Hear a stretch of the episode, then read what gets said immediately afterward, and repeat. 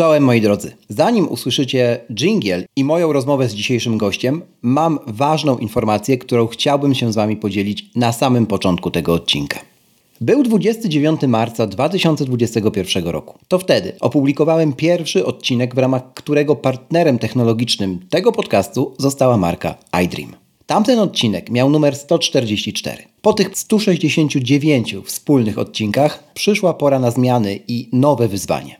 Ten odcinek podcastu jest ostatnim, który realizuję wspólnie z marką iDream. Jestem niesamowicie wdzięczny wszystkim osobom, które przez prawie 3 lata pomogły rozwinąć skrzydła nie tylko mnie, ale także całemu podcastowi. To tym samym, co akurat doskonale nadal pasuje do ich nazwy, pozwoliło mi spełnić jedno z największych marzeń, jakie miałem: bycie podcasterem na pełny etat. A dziś nawet więcej. To, co razem zbudowaliśmy i głęboko w to wierzę, pozostanie wartością na zawsze, a z racji tego, że staram się mówić o technologii w taki sposób, który jest jak najbardziej ponadczasowy, wspólnie zrealizowane odcinki będą służyły Wam, w co głęboko również wierzę, i nowym słuchaczom przez jeszcze długi czas. Ci z Was, którzy słuchają mnie od dawna, doskonale wiedzą, że wyznaję zasadę jedyne, czego możesz się spodziewać, to niespodziewane. I to mnie napędza każdego dnia, zarówno w sporcie, jak i w twórczości. Przyszła zatem pora na nowe wyzwanie, które naprawdę napawa mnie ogromną nadzieją i dzięki temu patrzę z optymizmem w przyszłość. O szczegółach dotyczących nowego partnerstwa będę Was informował stopniowo w mediach społecznościowych tego podcastu, zwłaszcza na portalu X. Zapraszam również na moje prywatne konto na Xie. Dziś tak po ludzku i prosto z serducha Gosiu, Olu, Klaudio, Agato, Justyno i Tobie Kamil. Dziękuję. Technologiczny świat jest dość mały, więc nasze drogi mają szansę się jeszcze przeciąć w ten czy inny sposób. Przede mną i przed nami, moi drodzy, fascynujące miesiące, w których nadal będę Wam pokazywał, jak korzystać z technologii tak, aby służyła nam, a nie my jej. Dobrego odbioru 312 odcinka życzę, no to lecimy dalej. Tu Krzysztof Kołacz, a Ty słuchasz właśnie podcastu, bo czemu nie? Usłyszysz w nim o technologiach, które nas otaczają i nas w tych technologiach zanurzonych. Sprawdzam, pytam i podpowiadam, jak korzystać z nich tak, aby to one służyły nam, a nie my im.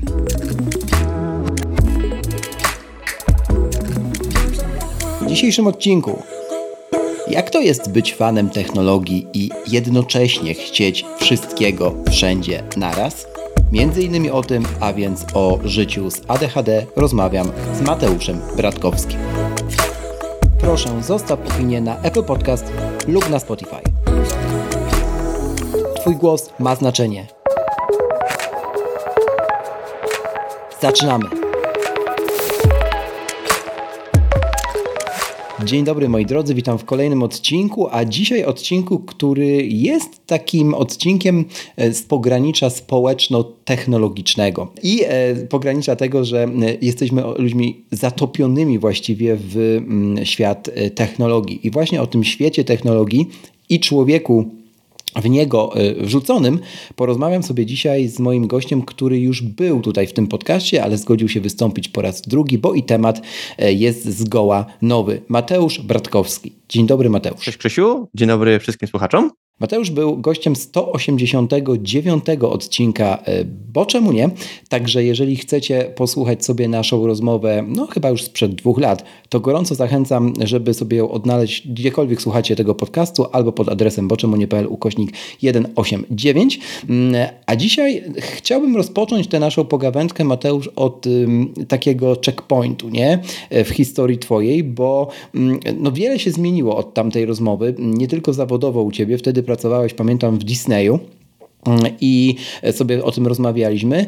Teraz wiem, że pracujesz gdzie indziej i też y, zajmujesz się pewnie czymś innym, a y, jakby prywatnie musisz obsługiwać trochę inne życie niż wtedy. Nie wiem, czy to nie jest na wyrost, ale sobie dzisiaj to rozłożymy na czynniki pierwsze. W ostatnich dwóch latach dużo się wydarzyło. Mhm. Przede wszystkim e, zmieniłem dwa razy pracę. Pracowałem w Disneyu nad e, takimi aplikacjami jak NHL i Disney Plus, by później, wiesz, znaleźć swoje nowe miejsce i tak wylądowałem do jednej firmy, która się zajmuje generalnie oprogramowaniem security, producentem dość słynnego e, VPN-a, mhm. który często się pojawiał w różnych reklamach. Później w, y, w trakcie tej pracy właśnie, z, jakby to można powiedzieć, zostałem zdiagnozowany poniekąd z ADHD i to też jakby spowodowało to, to również, że no, wylądowałem finalnie teraz w zupełnie nowym miejscu. Już rok pracuję w firmie passion jeden z największych brandów w Polsce i zajmuje się generalnie aplikacjami e-commerce'owymi. Mhm.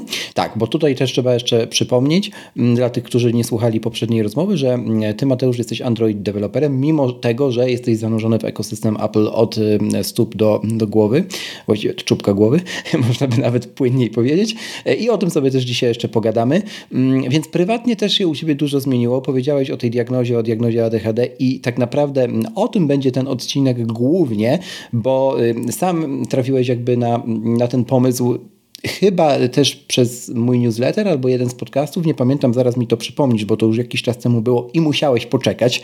Na szczęście się zgodziłeś. E, natomiast jest to temat na tyle istotny dla mnie prywatnie też i na tyle istotny uważam w ogóle w naszej bańce technologicznej że, że należy o nim rozmawiać i myślę, że to nie będzie ostatni odcinek w tym sezonie, ani na pewno w tym roku poświęcony temu tematowi. Jedno małe zaznaczenie, taki disclaimer na początek chciałbym zrobić, że choć e, sam się zmagam z podobnymi problemami, to mm, w tym odcinku chciałbym maksymalnie oddać głos Mateuszowi, moi drodzy, e, dla higieny tego odcinka po prostu żeby tutaj nie mieszać wątków, nie mieszać światów, bo mm, to jest, to jest tak, że każdy ma swój mikroświat, e, który się zmaga z, takim, z, taką, z taką rzeczą i, i ten mikroświat musi sam o sobie opowiedzieć i trochę głupio jest, kiedy on się miesza z czymś innym, bo wychodzi taki lekki pastisz, a już na pewno kakofonia komunikacyjna, więc nie chcę tego robić. Natomiast oczywiście podzielę się też swoimi takimi utytarnymi rzeczami, jak ja, jak ja ogrywam niektóre rzeczy pod kątem aplikacji, czy, czy w ogóle korzystania z technologii, natomiast głównie w tym odcinku będzie Mateusz, także bądźcie na to gotowi. Jeżeli chcielibyście tej opowieści e, od mojej strony, no to dajcie oczywiście znać, e, gdziekolwiek da się to zrobić, w formularzu Q&A, niezmiennie, bo czemu nie łamane na zapytaj, albo w komentarzach gdziekolwiek, e, gdziekolwiek będziecie chcieli. E, dobrze, Mateusz, wracając, więc jakby Sporo się zmieniło, też dwie, dwie zmiany pracy to dla niektórych ludzi jest w ogóle rocket science nie do, nie do przeskoczenia. Więc y, z drugiej strony, ty jako osoba, która chce wszystkiego wszędzie naraz, jak tytuł tego filmu, i wiem co mówię, bo tak trochę jest też ze mną, e, no trochę inaczej też pewnie do tego podchodzisz, nie? Więc zacznijmy może od tych kamieni milowych, w których była też diagnoza. I opowiedz w ogóle, jak ty do tego podchodzisz, bo to mnie tak po ludzku mm, interesuje, nie? że jakby po pierwsze się nie boisz, a po drugie o, idziesz za ciosem trochę, no i po prostu wiesz, robisz rzeczy. Nie? E, generalnie to czuję się, e, czuję się tak, jakby ktoś wręcie, wreszcie wręczył mi instrukcję obsługi do mojego mózgu. Mhm. Powiedział, hej, to nie jest nic nienormalnego, że tak się zachowujesz, po prostu twój mózg jest inny, ale to nie znaczy, że jest gorszy, czy działasz na podstawie innej rzeczywistości i musisz jakby lepiej zwracać uwagę na swoje zachowania i reagować na te zachowania. To po prostu był dla mnie game changer, kiedy zrozumiałem, że pewne zachowania w przeszłości, które miałem, to nie jest coś niewytłumaczalnego, to jest wytłumaczalne. I wtedy zacząłem rozumieć pewne zdarzenia z przeszłości. E, na przykład często gdzieś tam wśród znajomych poruszam tę kwestię, jak e, szkoła i nauka, kiedy byłem dość takim przeciętnym uczniem, czwórkowym raczej. Bardzo średnio mi szło na pewno z matematyki i z języków obcych, a w szczególności z angielskiego. Nie wiem, po prostu miałem jako, jakiś taki strach przed y, nauką tego języka i też z, z, matematyką. Po prostu wielokrotnie miałem taką sytuację, że pomimo, że kumałem zadanie matematyczne, nie potrafiłem je dobrze rozwiązać, bo zazwyczaj gdzieś tam walnąłem w trakcie jakby rozwiązywania, bo byłem podekscytowany tym, że wiem, a jak to rozwiązać. Często tam gdzieś mi to uciekało. I na przykład y, jak była matura z matematyki, no to byłem trochę tym zestresowany i to i stres dla osób z ADHD jest motywatorem. To jest w ogóle bardzo ciekawe zagadnienie, jeśli chodzi o motywację i u osób z ADHD, no ale ten stres związany z maturą spowodował to, że po prostu po godzinach w nocy siedziałem i rozwiązywałem zadania z matematyki i także miałem pewne wnioski na temat tego, że hej, gdzieś tam na sprawdzienie mi coś nie wychodziło, to po prostu na maturze robiłem jedno zadanie cztery razy, mhm. porównywałem cztery wyniki. Jak, by the way, e, e, jak komputery pokładowe w wahadłowcach, też gdzieś tam parę różnych komputerów i porównywano wyniki po to, żeby mieć gwarancję na to, że w wyniku działań promieniowania kosmicznego nie doszło mhm. do jakiejś pomyłki w obliczeniach. To tak właśnie funkcjonowałem. E, no i miałem bardzo dobre wyniki, tam 96 i 70% w stosunku, kiedy miałem tam, prawda, ocenę dwójki, jedynki, no to nauczyciel nie wiedział, co powiedzieć. E, druga, druga, druga sytuacja to z, z, angielskim, kiedy po prostu, nie wiem, jakoś sobie wmówiłem, że nie potrafię. Trafiłem do pierwszej pracy i od razu na dzień dobry pracowałem jakby w takim środowisku mocno... Anglojęzycznym. Anglojęzycznym, dziękuję.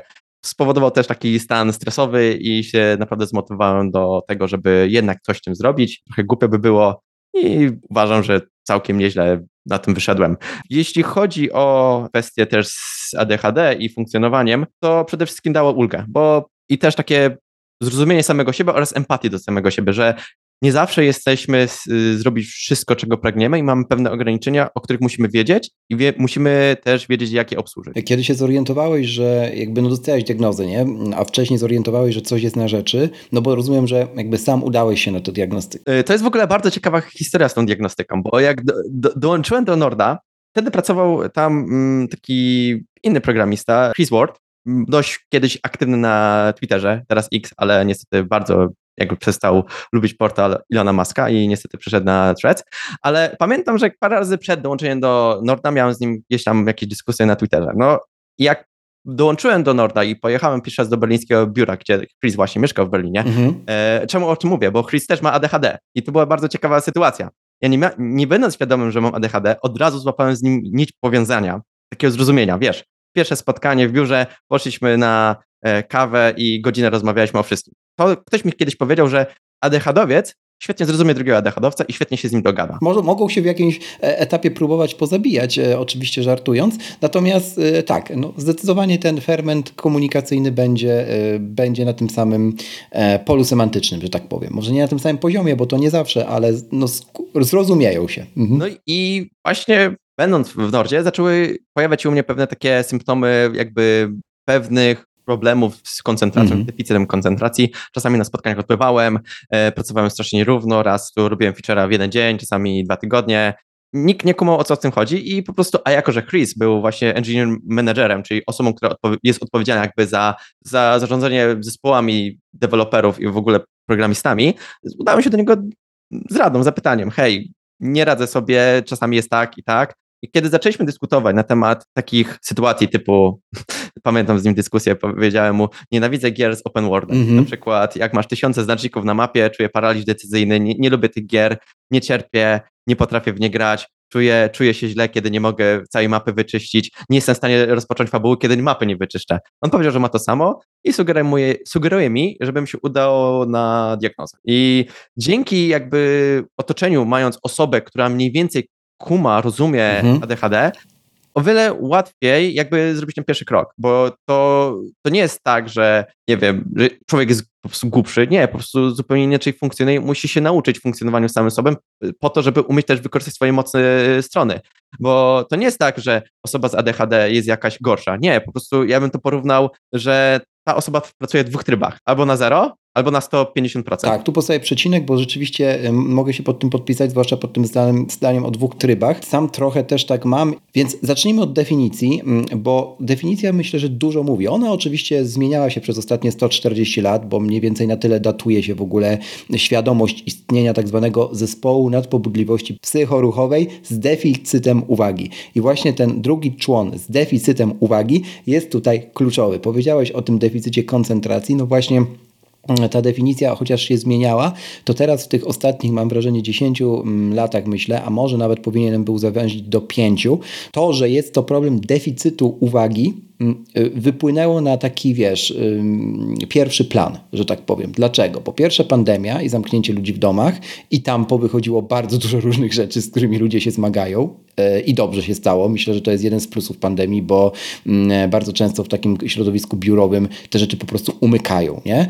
Po drugie, dlatego, że mamy wszechobecną modę na mental health, self-care i e, ludzie się tym po prostu zaczęli interesować i o tym czytać, e, no a później w konsekwencji tego wszystkiego mówić. Mówić publicznie, mówić też wśród znajomych i przestał to być temat tabu. Więc ja myślę, że nie mamy takich czasów już, w których y, należy bać się definicji ty jesteś głupszy, czy ty jesteś jakiś, nie? Tylko bardziej mm, opowiedz mi, jak to zrobić, żeby się sprawdzić, bo wszyscy o tym mówią, a ja nie wiem, jak zacząć, nie? Myślę, że to jest ten punkt teraz. Taką mam przynajmniej nadzieję. Więc to tak dla uporządkowania.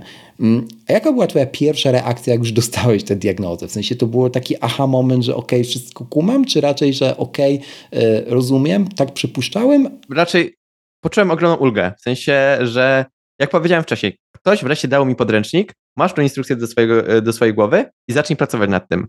Poczułem ulgę oraz no, przede wszystkim zrozumienie. Nie byłem już tak wobec siebie krytyczny, bo wiem, że mam pewne ograniczenia. To nie są takie ograniczenia, które powodują, że będę gorszy, tylko że po prostu nie zaadresowane, nie, nie obsłużone spowodują, że będę po prostu gdzieś tam gorzej funkcjonował, gorzej pracował.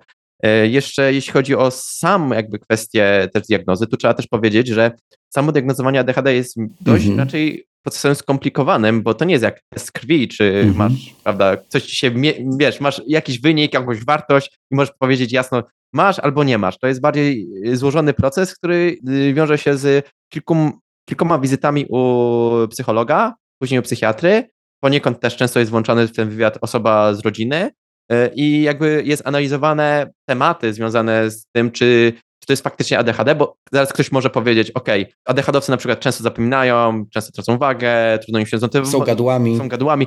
Każdy może powiedzieć, hej, mam coś, jedną z tych rzeczy. Mam jedną z tych rzeczy, na pewno mam ADHD. Natomiast z tego, co zawsze gdzieś tam rozmawiałem z psychologami, terapeutami, zawsze jest powiedziane, że e, prawdziwa ADHD jest wtedy, kiedy te objawy przeszkadzają w realizacji jakichś celów życiowych, czy to e, celów e, społecznych, zawodowych, czy edukacyjnych.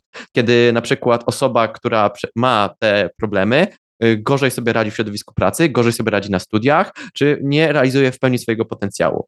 To wtedy możemy mówić o tym, że te ADHD, które nie jest w żaden sposób obsłużone, nie jest w sposób leczone farmakologicznie czy terapeutycznie poprzez dzięki terapii poznawczo-behawioralnej, może w przyszłości się przerobić w bardziej cięższe e, choroby psychiczne, takie jak depresja. Bo osoba, która widzi, że po raz kolejny sobie nie radzi i, i traci jakby nadzieję, że coś można z tym zrobić, no to, to już jest jakby gorszy stan i, i no, to jest niefajne. Czym najbardziej Ci przeszkadzało ADHD przed jeszcze jego diagnozą? Pytam o te stany takie mm, ostęki z życia, nie? W sensie jakbyś mógł podać takie ze dwie, trzy, bo y, jakby to jest bardzo często pewien pattern, tylko on jest osadzony w innej rzeczywistości. Jeden ten pattern ma zawodowy, drugi w związku, a trzeci w decyzji, czy posprzątać mieszkanie, nie? Jak było u Ciebie?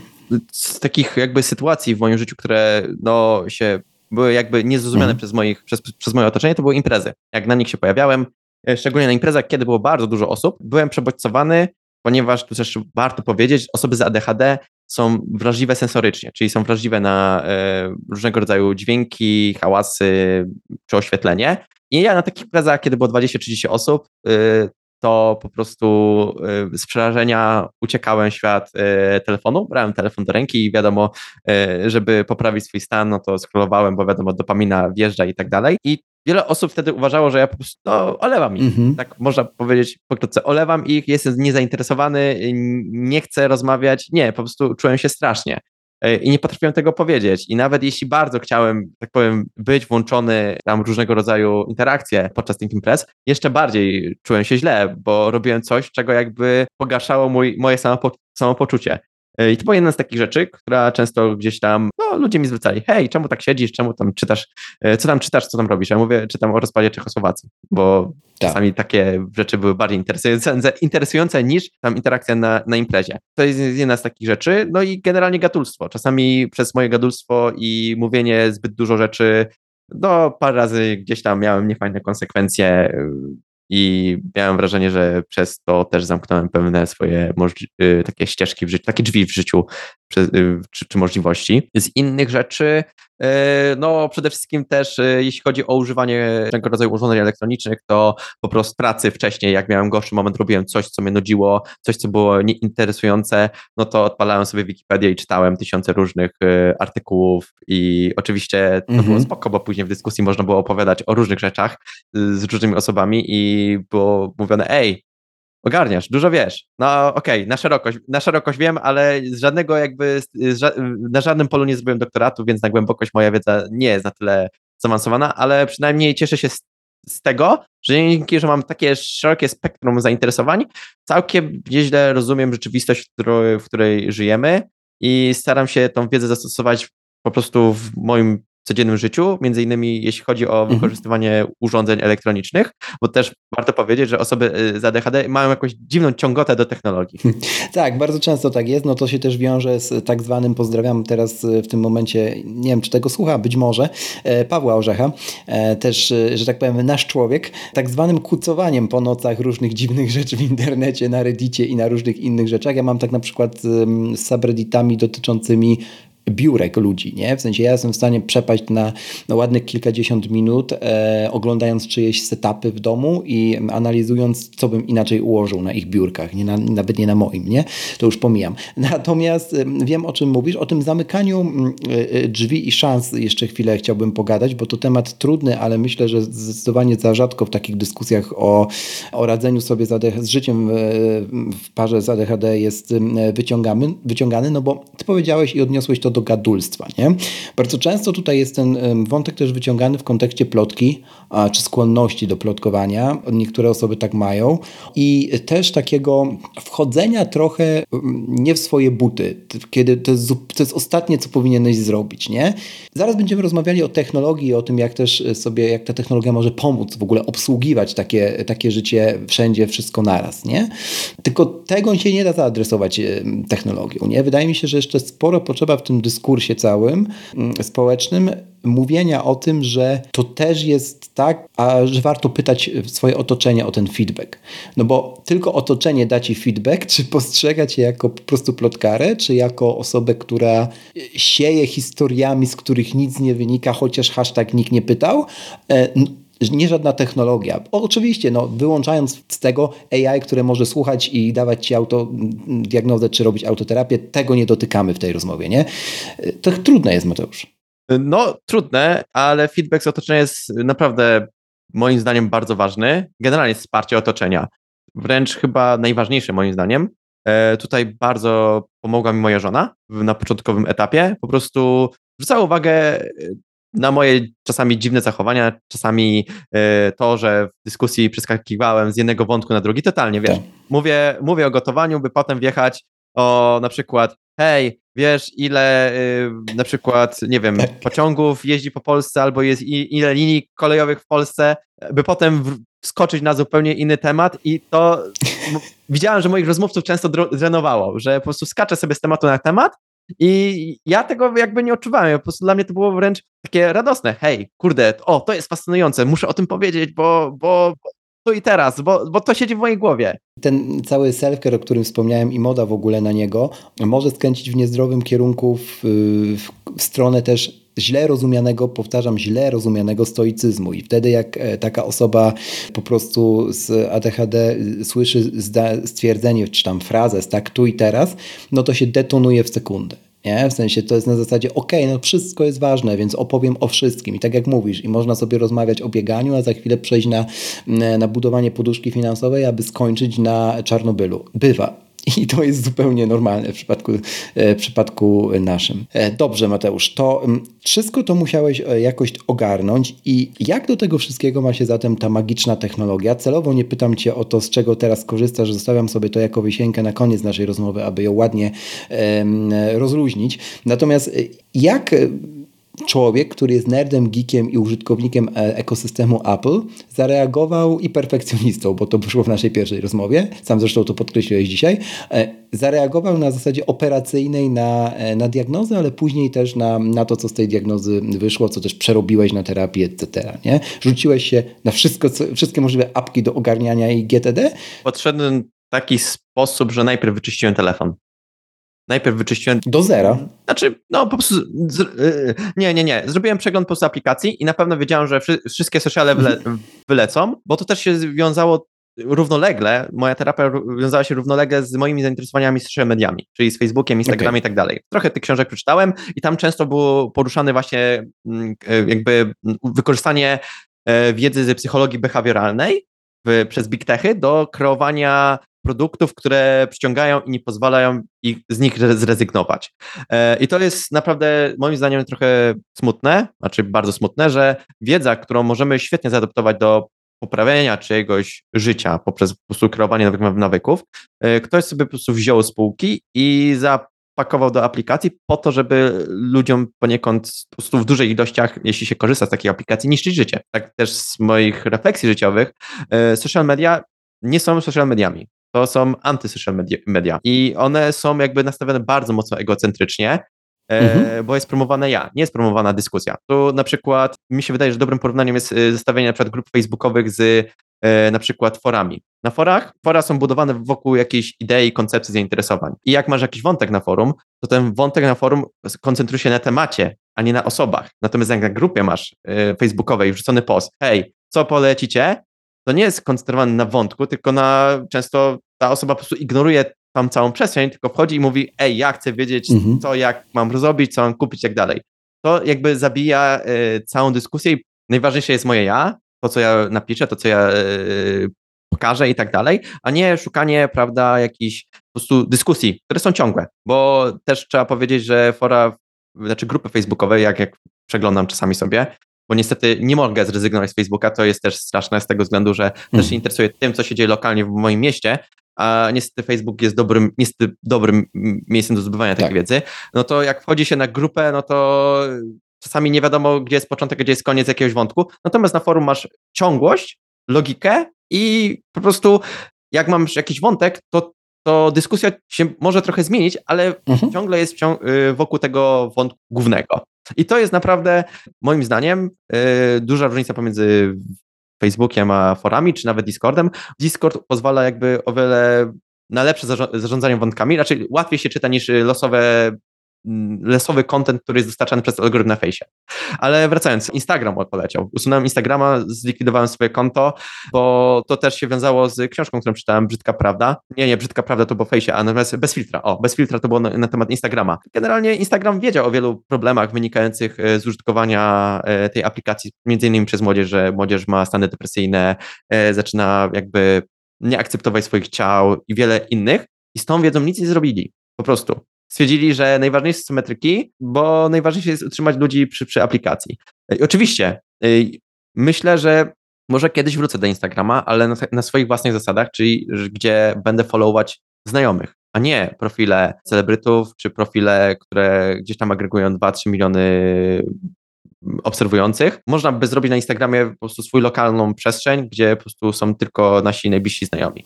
Tak, można by, przy czym, bo to już można teraz zrobić. Problem polega na, na punkcie wejścia w te aplikacje, nie? W sensie to, że Unia Europejska wymusza to, żeby oprócz zakładki For You było też, była też zakładka Following, e, no to y, jest fajne, przy czym nie wymusza już, żeby Following była wyciągana naprzód, albo żeby dało ją się ustawić tak, żeby ona na tym, e, na tym pierwszym ekranie się wyświetlała zamiast zakładki For You, którą rządzą e, algorytmy. No i teraz, ok, my możemy obserwować swoich ludzi, ja tak zawsze, od zawsze mam, bo też w ramach kwartalnych przeglądów robię analizę tego, kogo obserwuję w socialach, no ale i tak na początek, jak odpalę Instagrama, dostaję zakładkę For You. I owszem, mogę od razu wyrobić sobie nawyk, że przełączam kciukiem na following, ale come on, algorytmy doskonale wiedzą, że będę chciał to zrobić i potrafię już obsługiwać w taki sposób te treści, żeby jakaś pierwsza treść, która mi się pojawi, zachęciła mnie raczej do scrollingu for you, a nie przełączenia e, na following. To jest największy problem, nie? Bo e, fajnie, że ta regulacja weszła, tylko w obecnym kształcie ona jest trochę bezużyteczna, nie?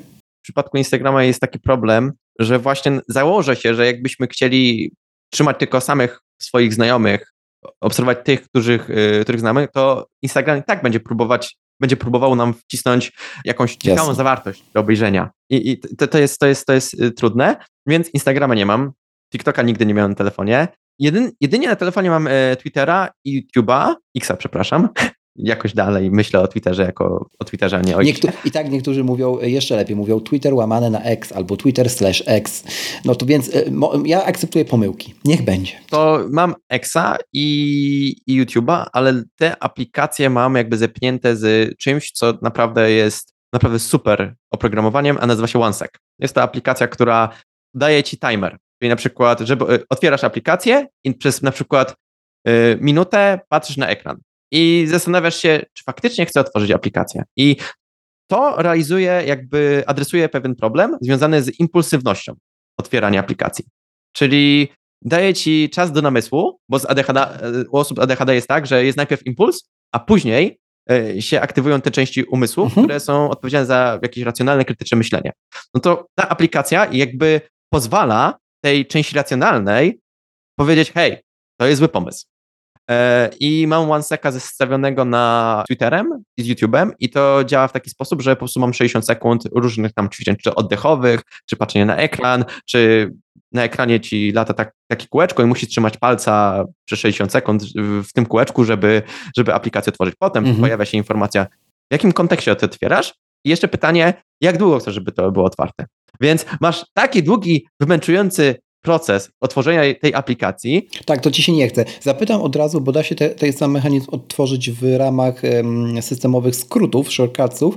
E, natomiast oczywiście OneSec jest gotowym narzędziem, natomiast czy to narzędzie zbiera również statystycznie mm, w takim razie te twoje odpowiedzi? Bo powiedziałeś, że są te pytania, w jakim celu na przykład. I jest jakaś analityka, żeby później zobaczyć, jak próbowałeś o siebie tak. oszukać? Jest, okay.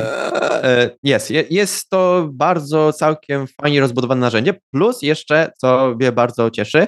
To jest płatna aplikacja, ale kupując y, tam licencję Lifetime, to jest super, że jest licencja Lifetime za 130 zł, mhm. no to moim zdaniem to jest naprawdę warte, bo to w jakiś sposób trzyma y, naszą higienę cyfrową w ryzach. Ja gorąco polecam.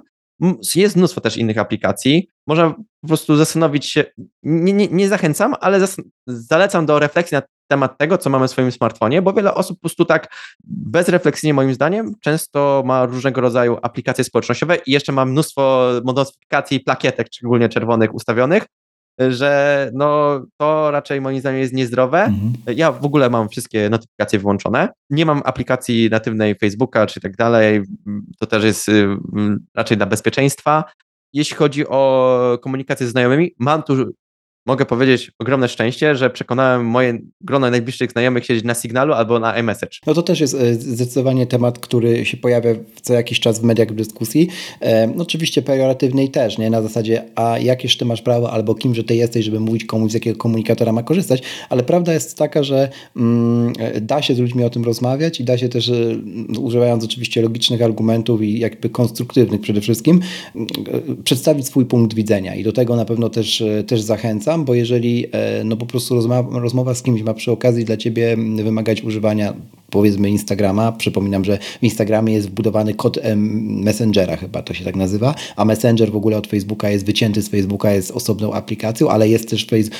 To jest w ogóle jakaś paranoja, nie, dla mnie. I jeszcze jest WhatsApp. No, więc jakby to wszystko jest przecież właściciel jeden bo meta. Więc jeżeli e, wracając ma to wymagać od Ciebie e, używania Instagrama, czyli triggerowania Ciebie Instagramowym feedem, czy tą zakładką for you, no to, to nie służy tobie, nie? W sensie i masz pełne prawo porozmawiać e, z taką osobą, że no to jest po prostu coś, co mm, właśnie robi ci pewne rzeczy e, i zasugerować, czy poprosić o, o, zmianę. No nie? No, jesteśmy tylko ludźmi i też żyjemy w takich czasach, jakich żyjemy i uważam, że musimy uczyć się rozmawiać o technologii, jakkolwiek nie dziwne by się to społecznie nadal nie wydawało, że ktoś po, porusza w ogóle wątek, na czym my będziemy ze sobą pisać. No, takie czasy, nie? Tak i jeśli chodzi o aplikację na telefonie, to też y, w sumie jestem zadowolony z tego, że na przykład rozłączyłem podcasty od muzyki. Kiedyś słuchałem wszystkiego na Spotify, ale stwierdziłem, że jak otwierałem Walla na spot, główną stronę na Spotify, to byłem bombardowany wszystkim,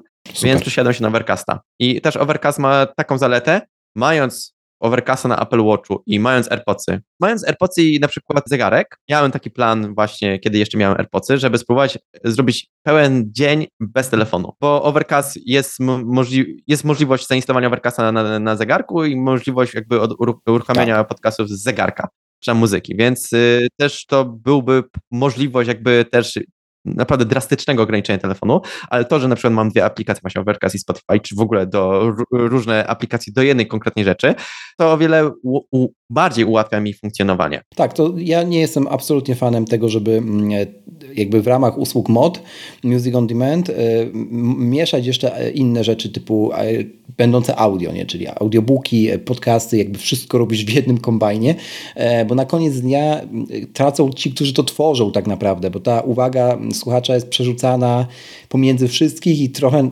nikogo, nie? Także to zgadzam się w 100%. Też używam Overcasta, co, co słuchacze wiedzą moi od, e, od lat i gorąco też polecam. W ogóle wszystkie linki do aplikacji znajdziecie w opisie do tego odcinka, mm, także gorąco zachęcam, żeby sobie tam zajrzeć. E, na liście, którą mam w notatce, notatce naszej do tego nagrania, bo oczywiście posługujemy się mapą, żeby nie rozmawiać o rozpadzie mm, e, Czechosłowacji, to jest jeszcze kilka aplikacji. Między innymi jest aplikacja będąca przeglądarką, czyli to jest Arc Browser, nie? To jest od wielu miesięcy ładnych w podcastach technologicznych bożyszcze, wszyscy o tym Arku mówią. To powiedz, w jaki sposób Arc tobie pomaga z tej listy? Moim zdaniem bardzo ciekawa przeglądarka pod tym względem, że stara się jakby zwrócić uwagę na pracę z kartami, bo każdy z nas ma tysiące kart na później. Cały ten toolbar, y, na przykład Chroma czy zupełnie innej, innych przeglądarek jest, można powiedzieć, no dość zabałaganiony i trudno się nam w tym odnaleźć. Natomiast Arc daje elegancki UI, który pozwala w miarę zapanować nad naszym przeglądarkowym życiem. Podzieliłem sobie Arka na takie trzy kategorie i mam jakby odseparowane karty związane z strony od, pra y, od pracy, od prywatnego życia. To pozwala mi jakby jednak zachować pewną kontrolę nad y, moim fokusem i kontekstami. I to jest też fajne, bo nie czuję jakby przebodźcowania, jak używam tej przeglądarki. Jest minimalistyczna, można sobie dostosować pod własne potrzeby, ma jakieś tam tak zwane mikroaplikacje, więc całkiem elegancko się z niego z niej korzysta. E, dodatkowo jest oparta na, e, na silniku Chroma, więc też mamy dostęp jakby do e, tych wszystkich rozszerzeń, które, tak. pluginów, które są dostępne na Chromie. W sumie nie zmieniał, ale tak zakładam, że na Safari też dałoby się to osiągnąć, mi się wydaje, bo ostatnio sobie otworzyłem Safari i zobaczyłem, że też daje takie możliwości i też jest taką przeglądarką, która, której UI i w ogóle wygląd raczej nie do nie powoduje jakiegoś takiego przebodźcowania czy przeładowania. Tak, no tutaj y, przede wszystkim Safari nie ma żadnych skórek, które byłyby dostępne, co jest już jego ogromnym e, zaletą, bo ludzie sobie te skórki, jak tylko są dostępne, ustawiają i potem mają na przykład skórkę w myszkę Miki i to jest dopiero przebodźcowanie.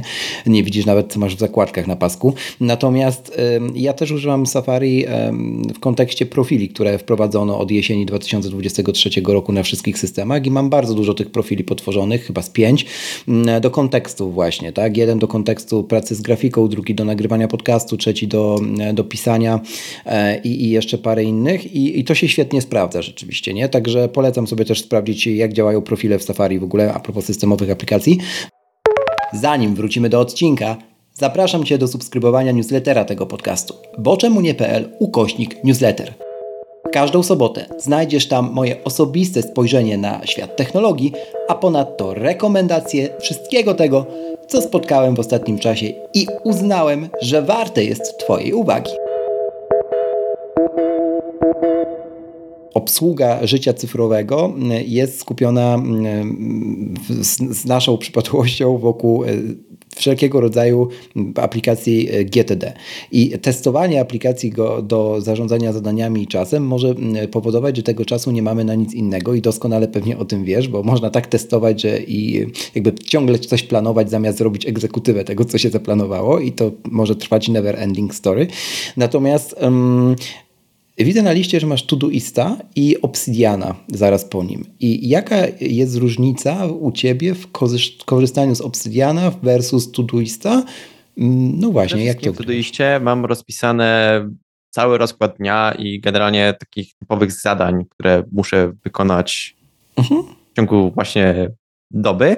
Yy, mam rozpisaną poranną rutynę w domu, poranną rutynę w pracy, yy, końcową rutynę pracy końcową rutynę dnia, mam gdzieś tam jakieś e, jeszcze zadania związane z e, nauką, rozwojem, e, czy ogarnianiem domu, czy ogarnianiem generalnie całego życia. Mm, też w ogóle rozpisałem sobie cały, teraz pracuję nad rozpisaniem planów treningowych na cały ten pierwsze półrocze, więc świetnie jakby sobie, no, Todoist, się świetnie, Todoist jest w miarę elastycznym narzędziem, które pozwala tworzyć zróżnicowane jakby projekty, listy i tak dalej. Jeszcze w zeszłym roku w ogóle na Todoistie razem z żoną oparliśmy sobie wyjazdy, mhm. czyli na przykład e, mieliśmy jakiś wyjazd do jakiegoś miejsca, trzeba było ogarnąć hotel, trzeba było ogarnąć e, loty, trzeba było ogarnąć e, jakby miejscówki, które warto będzie zobaczyć, coś zjeść, listy do pakowania. W ogóle mam taki oddzielny projekt z listami do pakowania, jakby podzielony na na krótki, długi wyjazd. Też takie mam. No generalnie tak, tak, tak, tak.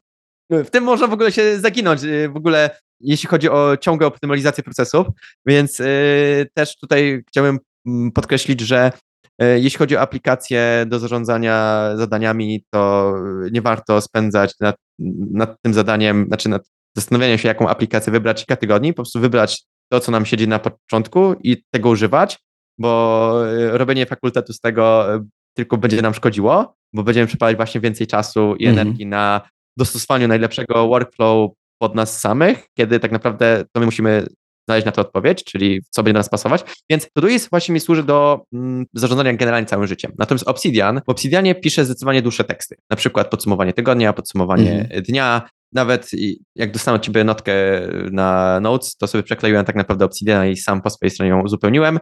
Obsidian jest na tyle fajnym narzędziem, że przede wszystkim jest oparty o składanie Markdowna, więc jeśli ktoś zna Markdowna, to może szybko sobie e, robić różnego rodzaju różnorodne sekcje wizualnie, które z mojej perspektywy o wiele łatwiej się takie rzeczy czy, czyta. E, ostatnio też nawet napisałem w Obsidianie poradnik e, wyjazdowy na Maderę dla znajomych, bo jednak Madera jest dość, dość ciekawym, ciekawą destynacją, która jednak wymaga jakiegoś przygotowania i wiedzy tego na temat, mhm. co tam się dzieje i jak należy się poruszać, na co zwracać uwagę i tak dalej. E, I takie dłuższe teksty sobie piszę w Obsidianie. Obsidian też ma taką dużą zaletę, że w stosunku do Notion, bo ktoś może powiedzieć, o Notion, ok, Notion to jest spoko, tylko że wszystko się trzyma w chmurze Notion, natomiast e, w Obsidianie trzymamy to lokalnie, albo nawet możemy trzymać to sobie na repozytorium w GitHubie. I można czę często też Obsidian i repozytorium na GitHubie wykorzystać do pisania bloga. Mhm. Widziałem takie projekty. Więc y, Obsidian jest bardzo zręcznym narzędziem, które no, daje nieskończone możliwości jakby organizacji tego, co możemy na nim robić i też ma dużo fajnych pluginów, jak na przykład template'y, to trzeba samemu poszukać, ale na przykład template'y są super rzeczą, bo na przykład w pracy sobie mam takiego template'a do zadania, w którym wpisuję numer zadania i generuje mi całe jakby wszystkie bloki związane z tym, e, na co trzeba zwrócić uwagę w danym zadaniu, czy designy są gotowe, czy API działa, e, czy nawet mam, mam taki template do pisania logera pracy, czyli na przykład ostawiam sobie Pomodoro na 25 minut, pracuję przez 25 minut, koniec tej sekcji, otwieram Obsidian i uzupełniam, co ja zrobiłem i co muszę zrobić. To pozwala mi kontrolowanie jakby swojej pracy i weryfikacji tego, czy y, o czymś nie zapomniałem. To tryby Focus i ogólnie ekosystem, żeby domknąć to wszystko ładnym parasolem. E, I od razu możesz się pochwalić, bo to będzie pasowało, z czego ty aktualnie korzystasz, jeżeli chodzi o ekosystem Apple, bo to i tak byśmy musieli wyciągnąć, e, więc e, proszę bardzo, to jest ten moment. To najpierw zacznę od trybów skupienia. Mam jakby takie dwa główne, praca oraz sen. Pracę mam ustawioną sobie w zależności od lokalizacji, czy będę w biurze, albo od godziny. E, no i generalnie w tym trybie skupienia mam, on jest ustawiony w taki sposób, że usuwa mi wszystkie widgety z ekranu, ustawia czarną tapetę i ustawia też odcienie szarości na ekranie. Mhm. Plus jeszcze oczywiście wycisza wszystkie połączenia. Czasami w pracy też robię tak, że mam specjalną szafkę gdzieś tam w biurze i po prostu telefon po prostu i tak tam ląduje zamknięty, więc żeby ileś tam, któryś, yy, kilka poziomów jakby zabezpieczeń, ale też na Macu to tak działa, że po prostu mam wyciszone wszystkie powiadomienia. No i sen to samo, po prostu uruchamia się wieczorem, wyłącza wszystkie, yy, wszystkie widgety, ustawia ekran w trybie szarości, blokuje dostęp do aplikacji, plus jeszcze robię coś takiego, że telefon zawsze na noc zostawiam w biurze, w sensie swoim pomieszczeniu biura, nigdy nie zabieram go do sypialni, nigdy. Generalnie to jest chyba najważniejsza część jakby wszystkich rutyn. Ostatnie pół godziny czy godzina przed snem nie patrzę na ekran, zostaję z książką, raczej, często papierową i czytam. I nie przeglądam niczego przed snem. Nie przeglądam żadnych shortsów, niczego. Przed snem raczej jak już coś robię na komputerze, to uzupełniam właśnie podsumowanie dnia, jakieś arkusze kalkulacyjne, taka jakieś, y, takie powtarzalne często zadania. Jeśli miałbym komuś coś polecić, jeśli chodzi o, o jedną zmianę, która znacząco poprawi komfort życia, to jest nietrzymanie telefonu w sypialni. W ogóle pozbycie się wszystkich ekranów w sypialni. Mhm. To ja mogę jeszcze powiedzieć od siebie, że ta rutyna czytania przed snem książki papierowej a nawet nie Kindle, to jest coś, co sam praktykuję i rzeczywiście działa cuda.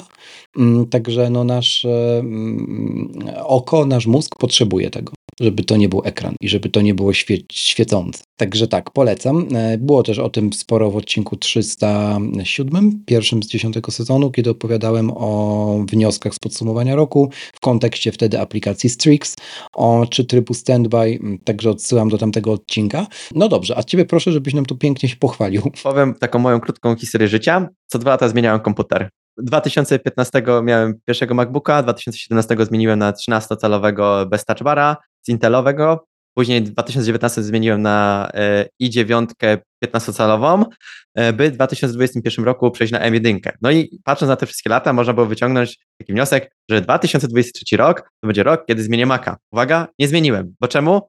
Bo to najlepszy komputer, jaki Apple zrobił moim zdaniem w historii, bo pokrywa wszystkie bolączki poprzednich sprzętów opartych na Intelu, czyli przede wszystkim tą kulturę pracy, która przejawiała się wysokimi temperaturami, plus krótkim czasem na baterii w stresie. Czyli kiedy tak. na przykład robimy na przykład naprawdę ciężkie rzeczy, czyli kompilujemy, uruchamiamy ten emulator, generalnie ciężki e, workflow, no to ten komputer praktycznie no, dalej się świetnie spisuje, nie czuję w ogóle problemów mocowych, jedynie, bo też mamy jakby komputer firmowy, 16-calowy w tej samej konfiguracji. E, tam jest taki problem, że działa w tle antywirus i w przypadku pisania aplikacji na Androidzie często Android Studio generuje pod spodem bardzo mnóstwo tymczasowych plików, co jakby załącza antywirus do ciągłego skanowania, przez co tam jakby kwestie wydajności są o wiele gorsze i, i to jest jakby, wtedy się odczuwa ten spadek wydajności, ale do mojego prywatnego komputera nie mam żadnych zastrzeżeń. Jestem w szoku, że po prostu po dwóch latach generalnie się nie zestarzał. Jak działał świetnie, tak dalej działa świetnie. Kwestia wymiany na M3 w ogóle nie rozpatruję, może dopiero za kolejne dwa lata. Nie widzę powodu, ba, jeszcze nawet mm, moja żona ma MacBooka M1R. Moja czyli też. ten pierwszy, pierwszy komputer na, e, na nowych procesorach od Apple'a i też świetnie działa. Też y, w ogóle nie daje oznak, że, oznak, że jest to przestarzały sprzęt. Jestem w szoku, jak udało się stworzyć urządzenia do pracy, które po dwóch latach dalej są wydajne, dalej jakby oferują wystarczającą wydajność do wielu zadań. E, ja po prostu cieszę się, że miałem okazję po prostu kupić od razu na premierę, bo teraz wiadomo, ceny też wyższe, no ale będę trzymał jakby ten komputer tak.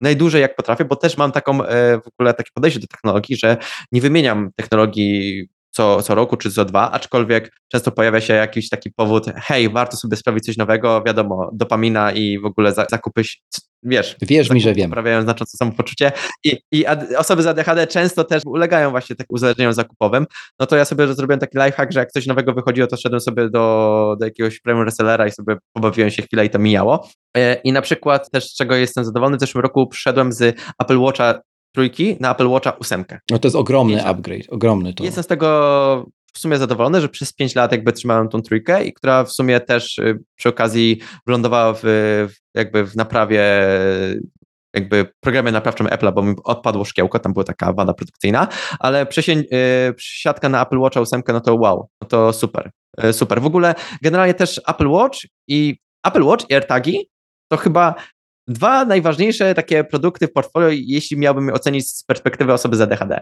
bo Apple Watch daje jakby informacje na temat tego dziennej aktywności i motywuje jakby, hej, warto zrobić spacer, hej, warto coś tak. zrobić, warto się ruszyć i tak dalej. I też jest jakby, zbiera dużo danych, które po prostu, wiadomo, można się w nich zanurzyć, analizować, zastanawiać się. To jest super rzecz. E, AirTagi, no to cóż, no zgubiłem parę razy klucze, znalazłem je, plecaku miałem też mhm.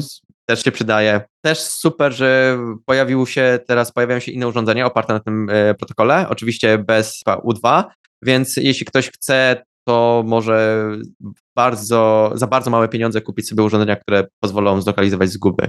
To też jest spoko moim zdaniem. A wracając jeszcze do, do, do Apple Watcha, ja tu nie, nie wychwalam, bo zakładam, że jakikolwiek opaska, która, czy zegarek, która w ogóle informuje nas o codziennej aktywności, będzie na pewno wartością dodaną. Oczywiście, jeśli ktoś lubi nosić takie rzeczy na ręce, bo znam takie osoby, które nienawidzą, lubią i mhm, nienawidzą i nawet jak nosiły, to mówią, że nie. Tak, e, to, to przy okazji jeszcze zapytam Cię o telefon e, jeszcze, żeby domknąć temat. Mamy zegarek, mamy komputer, e, no i mamy... Jeszcze mam iPada Pro, 11 z 2018 roku, daję sobie jeszcze ten rok i dopiero w przyszłym może się zastanowię nad wymianą, co też jestem zszokowany, że 5 lat takiego urządzenia sobie trzymam, i nie odczuwam jakby też jakichś ograniczeń spowodowanych z wydajnością. Bateria już widać, że jest w takim stanie, że przydałoby się. I generalnie iPhone 15 Pro w zeszłym roku wymieniłem e, z 11 podstawowej. Perspektywy czasu mogę powiedzieć, że w sumie mogłem jeszcze zostać na 11 zwykłej. Naprawdę. Czyli, czyli jesteś tą osobą, która jakby kupiła telefon prawie doskonały, o którym robiłem osobny też odcinek, czyli iPhone 15 Plus, gdybyś lubił duże rozmiary, to prawdopodobnie był, byłbyś tym telefonem łącznie z aspektem bateryjnym jakieś 6-7 lat i byś był zadowolony. Tak, tak, tak. Y, I nawet pamiętam, że Tomasz Woland z podcastu mówił, że przyszedł się chyba z dziesiątki albo z 10S, albo z dziesiątki, no. Z dziesiątki. Mhm. No to to jest już taki moment, którym naprawdę szanuję i ma, można było odczuć zmiany. Z mojej perspektywy 11 i 15 Pro fajnie, y, zdecydowanie ekran na plus, gabaryty na plus, bo jednak 11 podstawowa miała ekran LCD, przez co te ramki były wyższe i więc chwyt był trochę gorszy, a tutaj w trochę mniejszym rozmiarze mamy większy ekran mhm. yy, o, lepszych, o lepszej specyfikacji. Jeśli chodzi o baterię, no to taki typowy jeden dzień. Co mogę jeszcze powiedzieć? To jestem zadowolony jeśli chodzi o zdjęcia z wjazdów, naprawdę ok, aczkolwiek uważam, że zwykłe 15 też będą spoko, bo tu też warto podkreślić, że i tak wszyscy wrzucamy te zdjęcia później na social media, gdzie są algorytmy kompresji i później tak oglądamy to na moich ekranach, więc to nie ma z, takiego zbyt dużego przełożenia. Jeśli ktoś naprawdę, nie wiem, planuje może nagrywać jakieś vlogi czy coś innego, na pewno 15 Pro tutaj da jakieś tam atuty względem podstawowych piętnastek. O, mam taką ciekawą anegdotkę związaną z jedenastką. Wrzuciłem zdjęcia, że kupiłem piętnastkę, to od razu do mnie napisał Adrian Kajda, kolega programista z Opola, pozdrawiam. Zajmuje się aplikacją Fuelio, jeśli nie mhm. przekręciłem. W sumie to dobry pomysł na gościa, moim zdaniem. Zapisz, I napisał do mnie, hej, planujesz sprzedać? Ja mówię, w sumie nawet jeszcze nie wystawiłem. I później wyszła taka dyskusja, że on chciał kupić ten telefon dla córki, ponieważ, uwaga, wszyscy siedzą na iPhone'ach. No tak, tak, znak czasów. No. I to, to, trochę mi tak y, rozwaliło głowę, ale z drugiej strony byłem w stanie zrozumieć motywację, ponieważ jeśli, szczególnie dzieci, jeśli nie należą do jakiejś grupy społeczności, no to naprawdę to jest dla nich cięż, ciężka sytuacja. I jakiekolwiek wykluczenie z, z właśnie w tym wieku, no to, no to ma duży wpływ na, na to, jak się dane osoby czują. E, więc no, sprzedałem jedenastkę, ale tak po paru miesiącach myślę sobie, OK, i tak telefon w sumie bym nazwał, nazw iPhone to bym nazwał e, podcast phone. W sensie te, tylko na nim odpalam podcasty i wieczorem tylko Twittera. To jest niesamowite, dlatego ja bardzo wielu osobom, w tym geekom również i pro-userom również, e, staram się przetłumaczać, że nie do końca mogą być pro, tak bardzo jak im się wydaje, bo tak naprawdę jeżeli aparat nie gra roli inny, na przykład jesteś osobą, która nigdy nie miała, nie, nie miała ekranu always on e, przed oczyma, czyli tego 120 Hz, no to mówię, to linia 15, 15 plus, zwłaszcza 15 plus, prawdopodobnie jest telefonem, który wytrzyma z tobą 5-6 lat i będziesz z niego tak zadowolony, że będziesz go wszystkim dookoła polecał, no nie? Także to jest taki, taki moment właśnie po wprowadzeniu USB-C i dokoksowaniu mm, dynamiczną wyspą jeszcze tych podstawowych modeli w tamtym roku. Jak jeszcze możemy mówić o technologii, albo co mogłaby jeszcze technologia, Mateusz, robić, żeby pomagać osobom e, borykającym się z ADHD? Co może robić technologia? Kurde, bardzo dobre pytanie. E, może, nie wiem, to tak totalnie science fiction.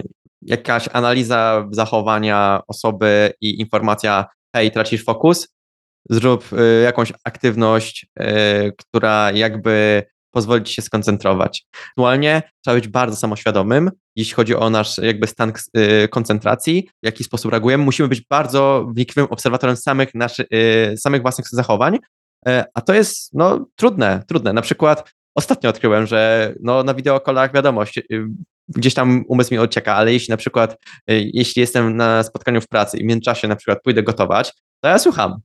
Po prostu nie ma szans, żeby mój umysł gdzieś uciekł i zaczął na przykład zastanawiać się nad jakimiś kolejnymi nowymi tematami, rzeczami. I to jest, to jest bardzo trudne, bo to trzeba być w jakiś sposób przygotowany. A technologia, która no, tak oczywiście w podstawowym zakresie stan psychiczny, bo na przykład aplikacje, możemy założyć jakieś limity na aplikacje tak. E, w iOSie czy w Androidzie e, i możemy się tego trzymać.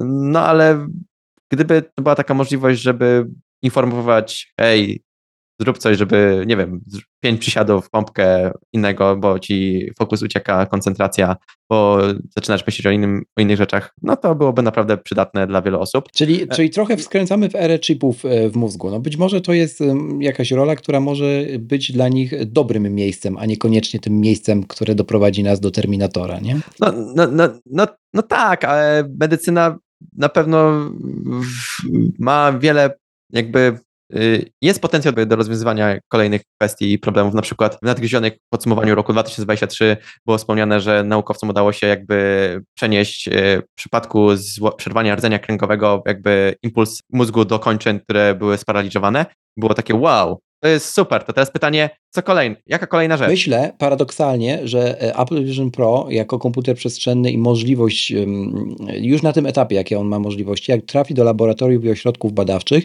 będzie mógł się zająć tego typu rzeczami, jak na przykład analiza ruchu gałek ocznych do bardzo głębokich wniosków dochodząc finalnie z użyciem na przykład właśnie e, generatywnej sztucznej inteligencji, czy w ogóle sztucznej inteligencji, tak?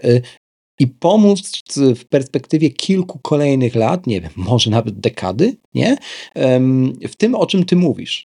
Nie? I właśnie jak, jak ja pisałem o tym w newsletterze, że jak ktoś mnie pyta, po co w takim razie teraz wypuszczać tak drogi headset, przypominam 3,5 tysiąca dolarów na start i jeszcze w wersji Pro od razu, no po to, żeby po pierwsze przyzwyczaić świat i wytłumaczyć światu, co to jest komputer przestrzenny, a po drugie, żeby ośrodki badawcze nie tylko w ramach tajemnych prac za kulisami, miały dostęp do urządzenia, z którym już mogą coś zrobić. A dostęp, przypominam, który oni dostają z Vision OS, jest dostępem, z którego znamy y, Apple od lat. Jest dostępem, gdzie jest pełne mm, wsparcie w Xcode, gdzie jest pełna dokumentacja techniczna od groma SDK. To jest dalej ten sam system, który tak naprawdę znają już wszyscy na świecie, tak? bo to w sumie zmodyfikowana wersja iOS. O, i do tego potężny jak na headset procesor, tam siedzi M2, ale to still jest ogromnie mm, duża moc, jeżeli chodzi o, o komputer przestrzenny, czy coś, co nosimy na głowie. No i pytanie, gdzie nas to doprowadzi? Pod tym względem, zwłaszcza medycyny, jestem bardzo optymistycznie nastawiony. A, właśnie wspomniałeś jakby o przygotowaniu. Jestem zaskoczony, jak Apple w dojrzały sposób przygotowuje to urządzenie na, na rynek, bo jak przypominam sobie czasy pierwszego iPhone'a, nie było jakby środowiska programistycznego, tak. takiego user-friendly, nie było za bardzo dokumentacji. E, to był zupełnie nowy świat i, i sam przecież pierwszy iPhone miał wiele różnych ograniczeń technologicznych, dopiero prawda, w których modelach y, w ogóle wszedł pomysł App Store'a, mimo że to jest pierwsza, pierwsza generacja, pierwsza iteracja, jest o wiele bardziej dojrzałym produktem, jeśli chodzi o przygotowanie na rynek, niż yy, pierwszy iPhone. Tak, i, i to trzeba podkreślać, trzeba o tym mówić, bo, bo rzeczywiście jest to mm, tak naprawdę ogromny sprawdzian, może największy w karierze Tima Cooka, dla Tima Cooka. Apple Watch, ok, był takim sprawdzianem, on się oczywiście sukcesem zakończył, ale nie na taką skalę jak to. Jednak percepcja zegarka jest zupełnie czymś innym niż chodzenie w tym momencie w hełmie na głowie. Natomiast chciałbym Cię jeszcze podpytać, tak już zupełnie na koniec, o źródła wiedzy mm, dotyczące ADHD, z których Ty korzystasz. Może vlogi, podcasty, newslettery jakieś. Ja na pewno polecę taki newsletter Tech um, Atypically się nazywa. Ravi um, Nanakul go um, wysyła. On jest na Substacku, link znajdziecie w opisie do tego odcinka podcastu. Bardzo fajny newsletter. Natomiast być może Ty czegoś słuchasz, czymś się karmisz, jakieś książki dalej, już ich tak tu poleciłeś sporo w tym odcinku, to chętnie przyjmę, myślę, że słuchacze moi również.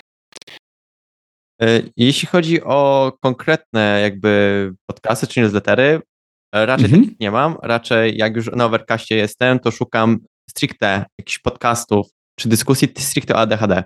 To nie jest jakby jakiś okay. tam wątek tylko dla ADHDowców, tylko po prostu pojedyncze odcinki, raczej ze strony bardziej naukowej i medy- no generalnie naukowo-medycznej, bo to jest naprawdę fascynujące zagadnienie, jeśli chodzi o w ogóle działanie mózgu i tego, co tam się tak naprawdę dzieje. Lubię słuchać o takich rzeczach, co się dzieje tak naprawdę pod maską, e, więc, ale na, na takich na co, codziennych rzeczy, które jakby w jakiś sposób wpływają na moje funkcjonowanie, to no, jakby nie czytam, nie mam takiego podcastu, e, czytam newslettera. Raczej to jest wtedy, kiedy mam jak, jakby takie, jestem w takim stanie, że może bym poczytał, to wtedy szukam sobie Rozumiem. w internecie danych materiałów. Rozumiem. Mateusz, e, to jeszcze u progu 2024 roku, czego Ci mogę życzyć, życzyć na ten rok? Dobre pytanie. Dobre pytanie. Może, yy, kurczę, bo właśnie z tymi ADHD to jest taka kwestia, że często słyszę mhm. od znajomych, wszyscy mi mówią, ej, zrób coś w internecie, zacznij coś robić, zacznij może nagrywać y, filmy, pisać, cokolwiek. I ja tak myślę sobie, okej, okay, to jest pomysł, ale to nie jest projekt typu usiądę wieczór i, i skończę. To jest taki projekt na bardzo tak. długi okres, e, w którym trzeba po prostu codziennie pracować systematycznie, nieważne czy jest się w nastroju czy nie, ma się energię czy nie. To nie jest coś takiego jak na siło, siłownia, bo mm -hmm. na siłowni jestem w stanie pójść na dwie godziny posiedzieć i wrócić i czuć się szczęśliwy, bo wiem, że, bo wiem, że scope jakby czasowe poświęcenia na siłowni to jest dwie godziny i wiem, że mam tre plan treningu rozpisany już przed, więc wiem dobrze, co mam robić. Natomiast na przykład jak siadam do jakichś projektów, w ogóle mam dużo nieskończonych projektów programistycznych, gdzie siadam z jakimś pomysłem i nie wychodzę poza kilka ekranów, bo jest to bo się przepalam, bo wpadam właśnie taki super hyperfocus na początku, a później brakuje mi właśnie siły, motywacji, żeby pociągnąć temat typu mimo wszystko minimum 30 minut dziennie. Trzeba bardzo dużo samozaparcia i po prostu e, konsekwencji. Więc e, to jest jakby taki murek, który chcę przeskoczyć w tym roku. Muszę znaleźć odpowiedzi, odpowiedź na to, w jaki sposób to mogę zrobić, bo z ADHD jest często powiązane takie sformułowania jak FOMO, syndrom oszusta, czy perfekcjonizm. Jak zestawisz te wszystkie trzy rzeczy, okazuje się, że jak na przykład masz coś zrobić, tak stwierdzasz, kurde, to żeby zrobić perfekcyjnie tak jak chcę, to, to, to się to nie szkoda da. zaczynać. A w ogóle to ja się nie, to ja się nie znam, bo są lepsi ode mnie, a w ogóle nie. Mm. To no, dziękuję na razie, yy, może wezmę książkę. Przynajmniej wiem, że mam na przykład mm. książka ma 300 stron, to na pewno pewnego dnia ją skończę czytać i będę zadowolony. Dobrze, tego Ci w takim razie życzę, tej wytrwałości i znalezienia odpowiedzi, e, czy warto i co warto. Dziękuję Ci bardzo za no, ponad godzinę rozmowy, takiej myślę, że treściwej i wartościowej. Mateusz, bardzo dziękuję. No i mam nadzieję do następnego.